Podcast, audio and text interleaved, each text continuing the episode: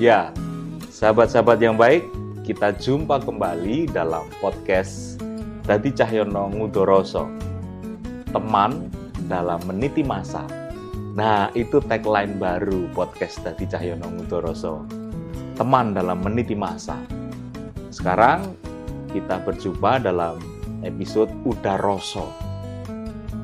Dalam Udaroso kali ini saya tidak sendirian. Saya ditemani oleh Jeng jeng, wanita cantik ini. Jangan bilang-bilang istri saya, itu rahasia. Oke? Okay? Nah, siapakah dia? Silahkan Mbak berkenalan dengan pembaca, eh kok pembaca, pendengar dan penonton, penonton podcast saya. Halo, nama saya April. Saya adalah seorang guru di salah satu sekolah swasta di Jakarta dan saya ibu dari dua anak. Ibu dari dua anak. Ibu dari dua anak. Eh, sayang sudah punya anak. Oke, nah sahabat-sahabat yang baik kita saat ini mau ngobrolin hal yang sudah sekian lama kita jalani. Pandemi ini sudah uh, membuat kita terbatas aktivitas kita.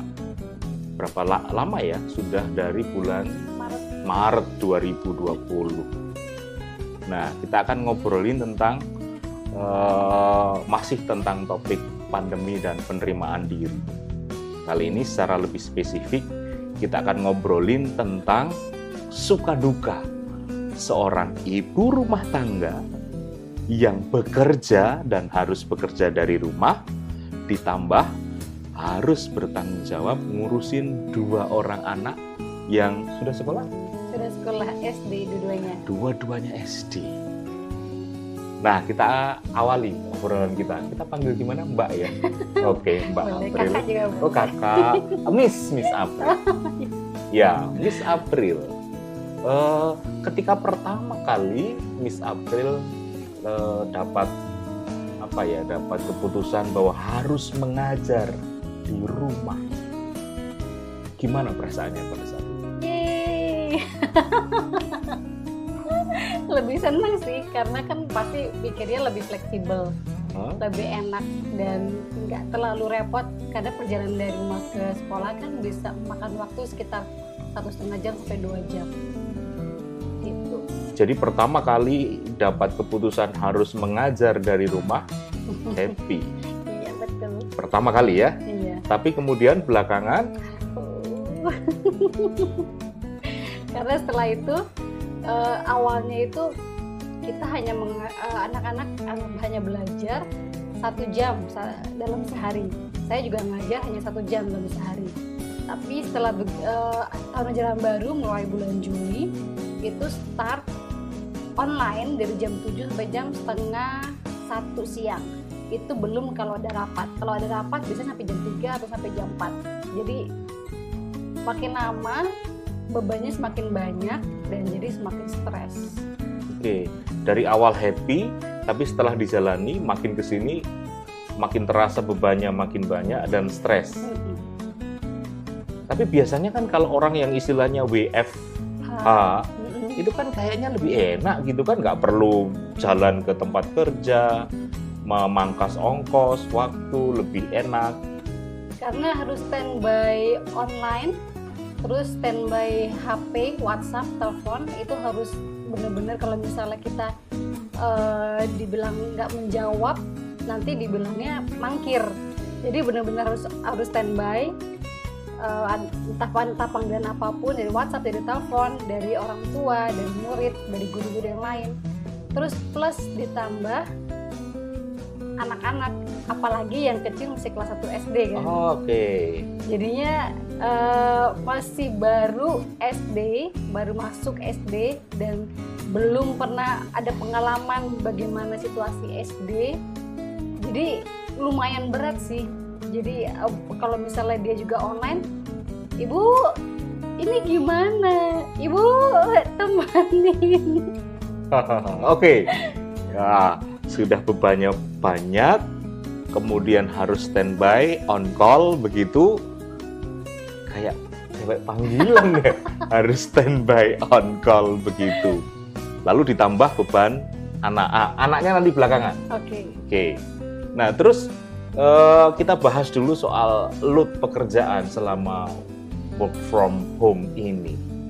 Jadi Miss April merasa justru kalau disuruh milih nih Hmm. ya eh, regardless soal pandemi ya eh, kita abaikan dulu soal pandemi. Lebih memilih mana sekarang bekerja dari rumah atau tetap bekerja di tempat pekerjaan walaupun harus berjalan satu setengah dua jam Kalau bekerjanya, Mm-mm. bekerjanya sih anak-anak langsung onsite di sekolah karena eh, apa namanya bebannya tuh lebih sedikit. Kalau misalnya kita langsung ketemu sama anak-anak, interaksinya lebih enak. Jadi eh, kita tuh nggak harus yang terlalu eh, apa sih namanya terlalu interaktif, aktif. Karena anak-anak pasti udah aktif sendiri. Mm. Cuma kalau misalnya lewat Zoom, lewat online, kita, guru tuh harus harus bener-bener harus harus aktif karena kalau misalnya kita nggak aktif terus pelaj- eh, pembelajaran juga metodenya juga nggak aktif itu pasti anak-anak diam apalagi saya mengajar kelas 6 yang pra ABG jadi ya pasti ya ya ya mereka susah sekali kalau misalnya mereka online mereka nyala kameranya itu yang kelihatan tuh cuma ini cuma dahinya Dahi. saja gitu Ya, itu menarik. Bagaimana membuat anak-anak yang tidak bertemu secara langsung tetap bisa merasakan apa ya atmosfer eh, diskusi kelas, aktivitas di kelas begitu. Ada Valentino Rossi lewat. itu gimana caranya? Tips and triknya gimana supaya eh, kan yang dihadapi anak-anak kan layar begitu kan? Hmm. Biasanya kalau misalnya saya mau anak semuanya ikut terlibat, itu dibagi jadi kelompok kecil, Oke. satu kelompok 2 sampai 3 orang, lalu diberikan eh, mereka diskusi. Dikasih media seperti Google Docs atau Google Slides. Oke. Karena kalau misalnya masuk ke Google Docs atau Google Slides, semuanya bisa masuk. Jadi semuanya bisa kerja bareng dan mereka bisa diskusi bareng. Artinya butuh sebuah skill baru bagi betul. Miss seorang pengajar gitu ya Eh, untuk bisa membuat suasana belajar bagi anak-anak tetap apa ya tetap tetap enak tetap anak-anak tetap excited gitu ya Iya betul. Eh, metode-metode pengajar yang baru bisa diceritakan nggak apa aja yang sudah ditemukan selama eh, WFH ini gitu. Kok WFH sih? We Work- we work from uh, work from home itu kan berarti WFH ya harusnya ya. Betul. bukan WFH oh my goodness kenapa jadi grammar Nazi ya? Oke eh, silakan. Eh, setelah pandemi dan dan WFH ini jadi akhirnya saya menemukan skill baru. Oh apakah itu? Saya bisa membuat video sendiri. Wah, tiba-tiba eh, karena pengen karena apa namanya eh, harus ekstra berpikir keras metode apa yang kira-kira membuat anak-anak tertarik untuk belajar untuk belajar? Salah satunya adalah video. Kalau misalnya pakai video orang lain kadang-kadang kan tidak sesuai dengan konten atau Oke. materi belajar yang mau kita sampaikan. Akhirnya buatlah video sendiri walaupun melibatkan suami melibatkan anak-anak untuk mengisi suara tapi jadinya puas gitu bisa kebayang betapa malangnya suami dan anak-anak ibu ini. maaf ya terima kasih Jadi a- apa ya? Mungkin itu blessing in disguise Iya, gitu kan. betul. Sebelumnya Miss nggak pernah ngotak Iya. aplik mau bikin vid- video, apalah pakai aplikasi-aplikasi ah itu. Sekarang jadi bisa gitu Jadi ya. bisa bahkan berlangganan Oh, I see. karena tertarik membuat video itu Ya, ah, siapa tahu next bisa jadi konten kreator. Enggak juga sih juga sih. nah sekarang eh Miss bekerja dari jam berapa tadi? Jam 7 7 sampai, Sampai jam, jam 3 tiga lah kira-kira seperti itu. Itu eh, apa eh, official office hour ya? Office hour. Tapi katanya tadi selalu harus standby on call. Mm-mm. berarti bisa lebih dari jam 3 Eh, kita menerima ah, bukan menerima kalau menerima WhatsApp pesan atau telepon eh kalau nggak telepon sih pesan biasanya WhatsApp itu maksimal jam 7 membalas pesan orang tua. Selebihnya kita ada ada perjanjian se- selama sesama guru tidak boleh lebih dari jam 7 jadi kalau misalnya jam lebih dari jam 7 kita tidak membalas pesan. Oke, iya kali ngurusin anak orang sampai jam 9 malam. Nah, anak sendiri gimana nanti? Nah, Tapi selama selama selama kita belajar di rumah ini em, lebih sedikit sih orang tua maksudnya orang tua bertanya, orang tua apa anak-anak bertanya karena eh, kurikulumnya kan memang di, lebih dipadatkan dan nggak se-complicated yang kalau misalnya kita belajar Oke, onsite. See. jadi nggak perlu nggak banyak bertanya. oke. Dan ngajar kelas 6 jadi orang tuanya udah terbiasa kan bagaimana Iya. kebiasaan di sekolah. Untunglah ngajar kelas besar.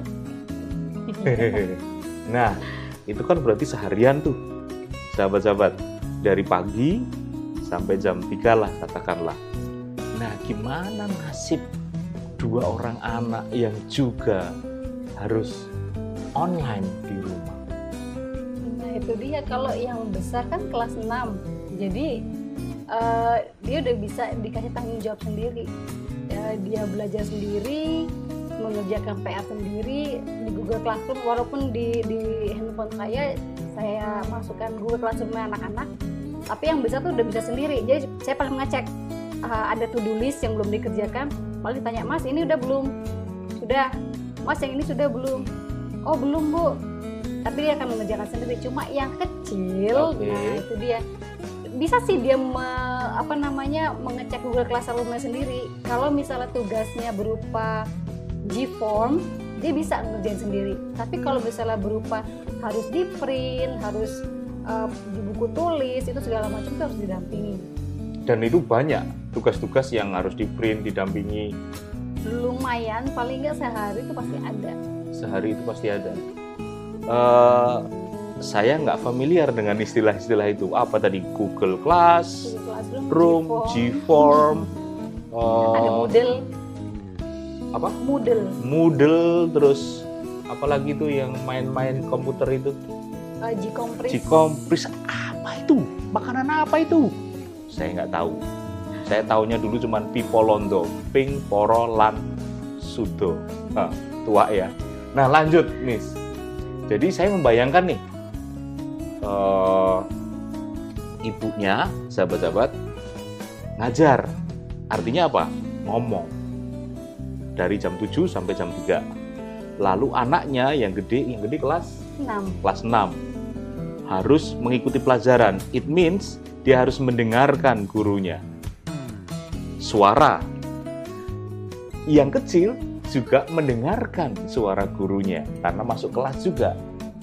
Artinya adalah berantem jadi bisa kebayang nggak suasana rumah si Miss ini, Miss April ini kalau pagi paling nggak dari jam 7 sampai jam 3.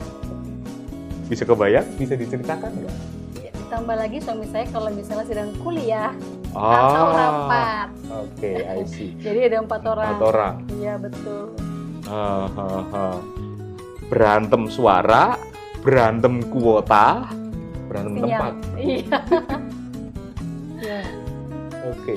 Nah, eh, sejauh eh, sejauh ini selama pengalaman sampai dengan eh, berapa bulan ya pandemi 10 bulan ya, 10 bulan ini. eh 11 bulan ya Yes. Maret Maret 12 Maret eh iya betul Ya kan yang Maret guru Maret, ibu, Maret bukan setahun saya. nanti. Jadi saya nggak bisa hitung gitu. kita mulai Maret pertengahan kalau salah tanggal belasan berarti sudah mau setahun udah mau setahun ya. Ini sudah Februari. udah Februari ah, mau akhir. Eh, menurut Miss gimana tumbuh kembang anak ketika mereka kan seharusnya di usia-usia seperti itu berrelasi dengan teman-temannya, berinteraksi dengan orang lain di kelas, mungkin juga ada pengalaman berantem dan yang lain sebagainya. Nah, selama ini selama pandemi mereka harus di rumah dan mereka selalu menghadap layar setiap paling nggak lima hari. Eh, menurut Miss, bagaimana tumbuh kembang anak-anak dengan kondisi seperti itu?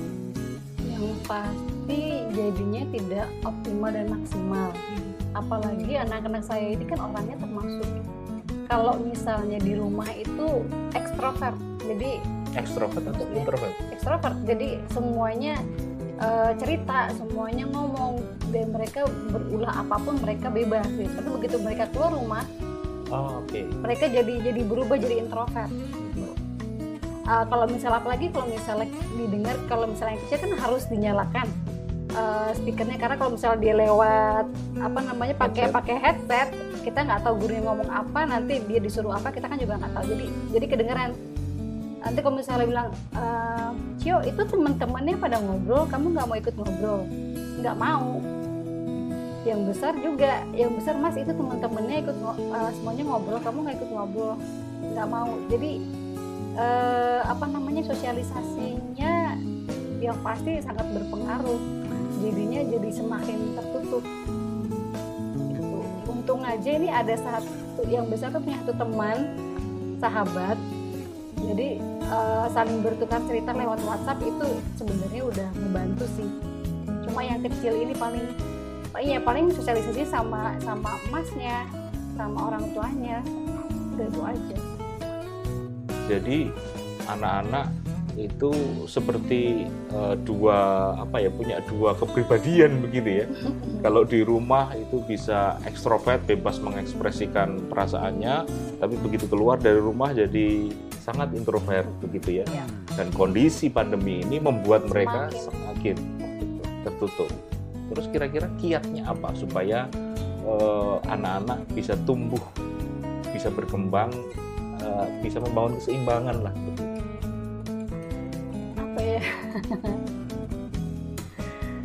paling dibawa ke rumah eyangnya karena kan ada beberapa sepupunya ada empat jadi bisa berinteraksi sama mereka. Kadang-kadang kita olahraga bareng atau kalau misalnya tidak mereka main ke sini atau kita main ke rumah mereka. Cuma itu, cuma itu aja karena mau keluar rumah pun juga takut kan. Artinya tetap diusahakan relasi dengan orang lain teman sebaya. Iya, walaupun itu ya kerabat sendiri gitu ya. Nah, sekarang eh, tentang peran Miss April. Itu kan artinya Miss April berperan sebagai ibu eh, sebagai guru sahabat-sahabat, sebagai guru yang mengajar bertanggung jawab pada banyak anak didiknya. Lalu sekaligus juga sebagai ibu yang bertanggung jawab pada tumbuh kembang dua orang anaknya. Nah, mungkin ketika di masa sebelum pandemi, dua tugas ini bisa berjalan beriringan karena space and time-nya berbeda. Nah, sekarang space and time-nya collide gitu kan? Uh, uh, kok collide? Apa namanya? Uh, bertabrakan, berkelindan sekaligus sebagai guru dan pendamping anak-anak. How you deal with that? Hmm, awalnya sih agak susah karena harus harus mengimbangi pekerjaan sama uh, kewajiban sebagai orang tua kan tapi lama-lama ya karena mungkin sudah terbiasa hampir setahun jadinya ya ya udah maksudnya just let it flow aja. Dan sekarang sudah sudah tidak lagi oh, biasanya kan kalau menghadapi situasi yang baru itu kan perlu habituasi. Dan dalam proses habituasi itu kan ada apa ya hal-hal yang uh, apa ya adjustment yang mungkin membuat geronjal atau nggak nyaman. Kalau sekarang sampai sekarang di usia pandemi yang sudah hampir setahun ini ya sudah berjalan dengan begitu saja. Eh bukan begitu saja. Ya berjalan saja, lirik itu aja. Hmm. Dan ya paling ya kita juga kerjasama sama sama saya kerjasama sama suami saya hmm. karena kebetulan kan juga kalau misalnya pagi sampai siang itu agak lebih fleksibel waktunya kalau malam nah biasanya kan lebih banyak rapat kalau pagi paling uh, ya minta tolong. Minta tolong ditemani. Gitu. nah menyebut suami. Apa peran suami miss? Sebentar apa ya? Dalam seluruh hiruk pikuk kehidupan guru ibu. Yang kerjasama saling bekerja sama jadi misalnya kalau misalnya saya ngurusin yang kecil suami saya ngurusin yang besar kalau misalnya saya kan juga harus siap-siap uh, harus mandi harus pakai baju segala macam untuk eh, siap-siap bekerja biasanya kalau misalnya saya mempersiapkan diri suami saya mempersiapkan anak-anak jadi nemenin makan siapin makan Oke. Jadi ada gunanya juga suaminya Miss April ini ya? ada, Ada ya? Oh, ada. Beruntunglah dia. Tidak hanya jadi model video, tetapi juga ada gunanya sedikit. Nah, eh, sahabat-sahabat, memang pandemi ini membuat eh, segala sesuatu berubah, termasuk dalam kehidupan yang apa ya, kehidupan di ranah domestik kita, di dalam keluarga, dengan kerja dari rumah, tapi sekaligus juga mendampingi anak-anak belajar.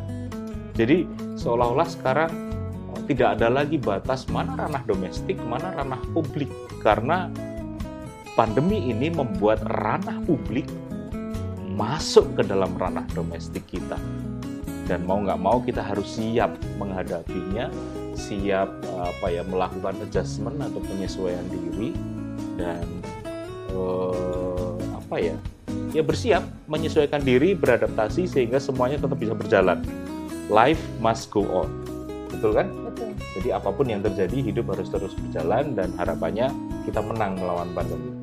Amin. nah ada pesan dari Miss April untuk para orang tua yang di rumah yang juga mungkin pusing juga menghadapi pandemi karena anak-anaknya harus sekolah di rumah atau yang harus memikul beban ganda sebagai pekerja sekaligus sebagai ibu rumah tangga.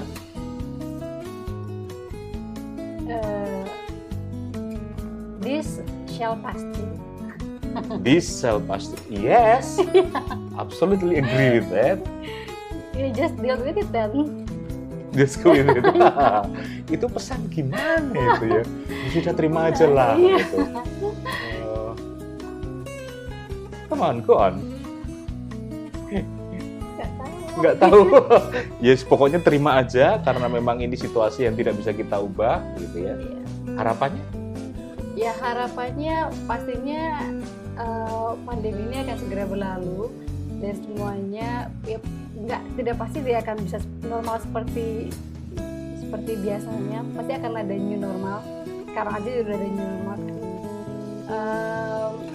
Ya dihadapi saja dan dijalani karena pasti wah, dengan pertolongan Tuhan pasti semuanya akan berjalan dengan baik Amin. amin Dengan pertolongan Tuhan. Teologi sekali.